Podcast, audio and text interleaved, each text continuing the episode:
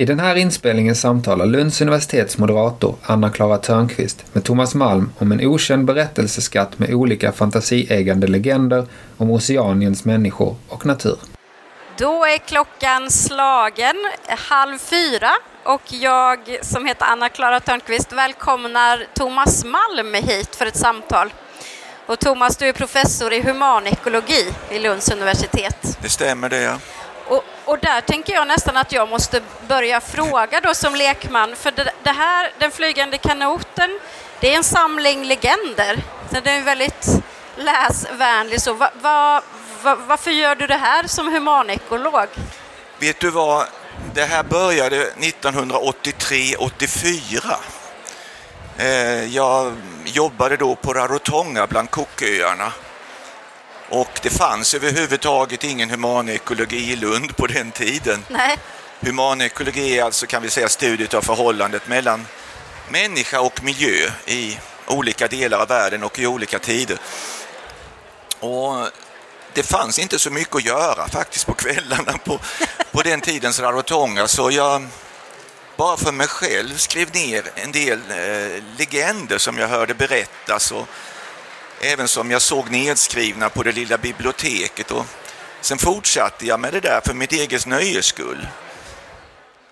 Sen kom jag tillbaka till Sverige och skrev en bok som hette Den flygande kanoten 85-86. Men jag hade gjort en massa kommentarer i den och fotnoter så att det skulle se väldigt vetenskapligt ut och sådär. Och fick jag svaret från förlaget att ah, det är alldeles för vetenskapligt och det finns ingen svensk marknad för det. Vilket förmodligen var alldeles korrekt bedömning.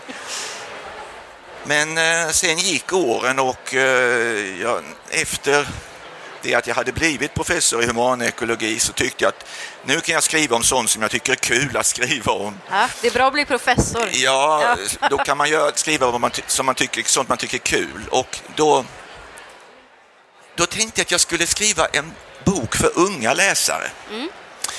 Jag hade nämligen själv när jag var fem år, kommer jag ihåg, och jag har kvar böckerna, fått ett par böcker med legender från eh, ursprungsbefolkningar i Nordamerika som jag tyckte var så, som ja, bidrog till att stimulera i det här med intresset för främmande kulturer, för mig främmande alltså. Och då skrev jag den här boken och tänkte att det här ska kunna läsas av, jag tänkte mig någonstans mellan lågstadiet och högstadiet kanske. Mm. Och så skickade jag det till förläggaren och så ringde han upp mig och sa att du, sa, du, har, du har sagt här att det här är en bok för yngre läsare men jag kan tala om för dig att eh, min hustru och jag, vi blev helsålda på boken. Jag har läst den högt för henne. Så den här kan man läsa i alla åldrar. Så vilket eh, jag inte faktiskt hade tänkt mig, men eh, det var den bedömningen. Så på den vägen är det. Den flygande kanoten heter den. Precis, och det jag tänker han hade helt rätt, eller han och hans fru där. Självfallet. Att, ja.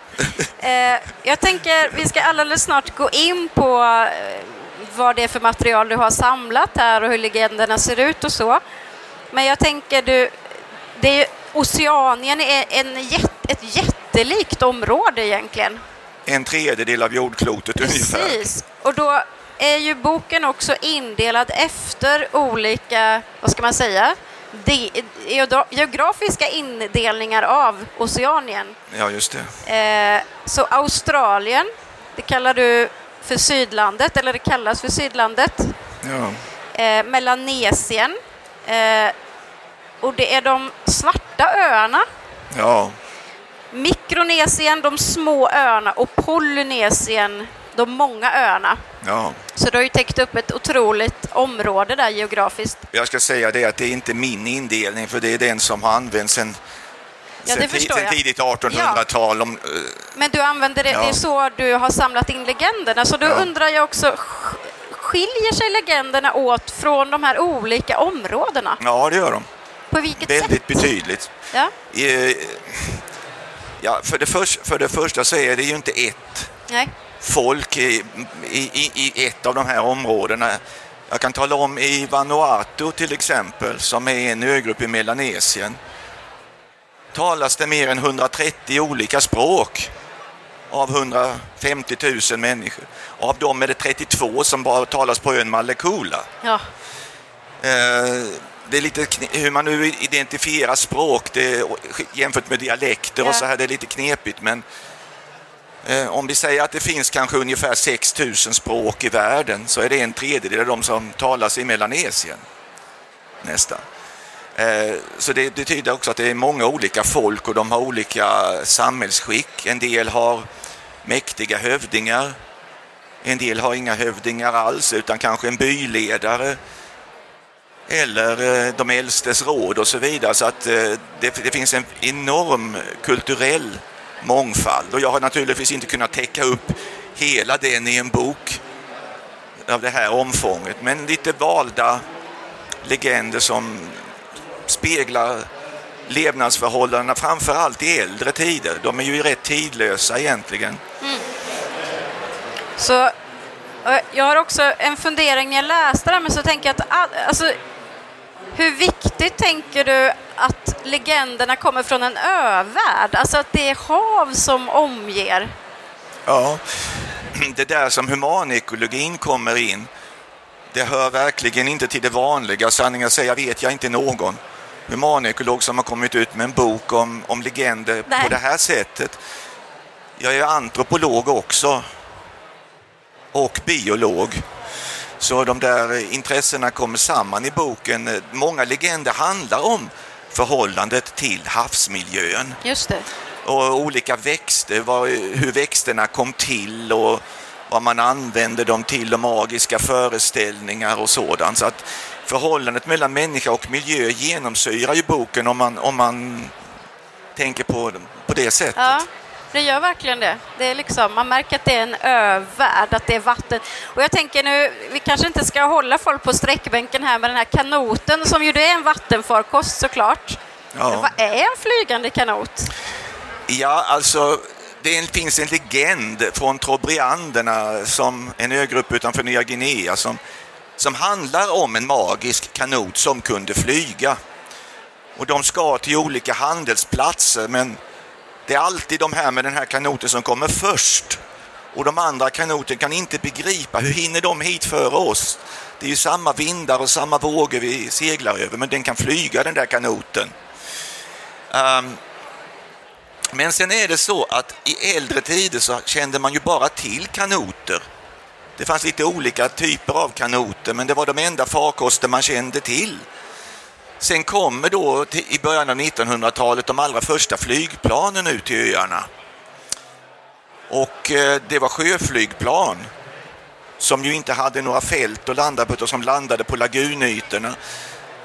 Och det enda ord som man hade för farkost, för det hade inte kommit några bilar än och sånt. Det enda ord man hade för farkost var kanot alltså. Just det. I, med, med, olika benämningar, men vacka på Tångöarna heter det vacka och det här är alltså en sådan vacka som flyger, en Vakapuna. Och än idag, även eh, ett modernt eh, jetplan heter Vakapuna, flygande ah. kanot.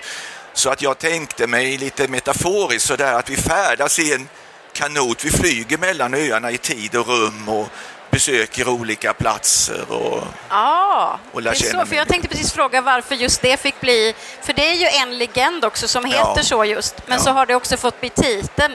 Ja. Är det du som sitter i den här? Nej, jag hoppas att läsarna är med mig i kanoten. Ah, ja. ja, ja, absolut. Eh, jag funderar på hur, hur har det insamlat, för alla dessa språk och detta enorma område, hur har du samlat de här legenderna? Ja, på två olika sätt. Dels har jag skrivit ner en del av dem på ort och ställe genom att prata med ja, äldre människor och så. Har du haft tolkar då, eller hur har det... Ja, det, på de flesta håll idag så kan folk engelska. Ja. Eller eh, i de samhällen jag jobbat. Och det finns alltid någon till hand som kan hjälpa till och förklara och tolka. Ja. Jag, jag kan verkligen inte alla Nej, språk på alla de här öarna. Men en del har jag skrivit ner själv. Och en del, i en del fall så har jag fått förlita mig på äldre upptäckter, mm. uppteckningar. Ja och upptäckte med för den ja, delen. Det för det, det, finns ju mycket som inte går att se, alltså uppleva längre på öarna därför att de har förändrats så avsevärt. Just det. Och det är många på öarna själva som inte skulle känna till de här legenderna idag, alltså unga som, ja, de tittar på Youtube och sånt här istället. Jag antar att de är muntligt traderade all, ja. allesammans, eller finns det några nedteckningar också? Ja, eh, de första nedteckningarna de görs av missionärer kan man säga. Ja. Därför att missionärerna de var tvungna att lära sig det lokala språket för att kunna predika. Just det. Och, så här. och de eh, var ofta eh, faktiskt väldigt bildade, intresserade personer av att nedteckna den kultur som samtidigt de faktiskt var med om att förändra ja. innan det skulle vara för sent. Och en del av de här berättelserna är, är heliga berättelser från början. En del är mera legender i den meningen att de, de, kan berättas på lite olika sätt. En del är nästan fabler, tänker jag. Ja, alltså fabeltraditioner. Jag har, inte, jag har inte gjort en genreindelning på det, utan jag har sammanfattningsvis kallat det för legender. Men det finns alltså berättelser som har levt kvar långt fram i tiden och bevarats ord för ord. Om jag får berätta den lilla, ja, histor det lilla historien så Bengt Danielsson har ni kanske hört talas om som var en stor eh, söderhavsforskare.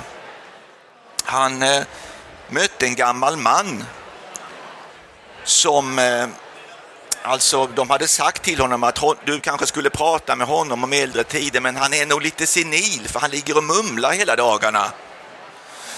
Ja, Bengt han tänkte att ja, jag kan alltid prata med honom ändå och se liksom, om, om gubben är, har en klar dag. Ja.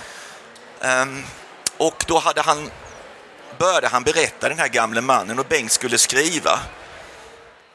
Men det gick inte för varje gång som han bad mannen att stanna till så han skulle hinna skriva ner så kom han liksom av sig. Så han fick börja om från början igen. Och sen så eh, kom han av sig igen och sådär så att det gick inte. Så nästa gång han kom tillbaks hade han med sig en dåtida bandspelare, en trådbandspelare, en urmodig sak. Och eh, då spelade han in den här mannen som berättade en, en lång historia. Och sen så spelade han upp den så han fick höra det här, den här mannen. Och då satt han väldigt, väldigt fundersam och lyssnade så här. Och sen efteråt så sa han, nej men vilken duktig man.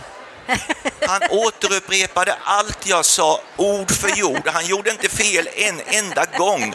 Han är lika duktig som jag. Ja, det var ju fantastiskt. Och på det sättet så bevisar han också mycket riktigt att han var en, en berättare som verkligen kunde det ord för ord. Verkligen. Ja, vilken fin historia.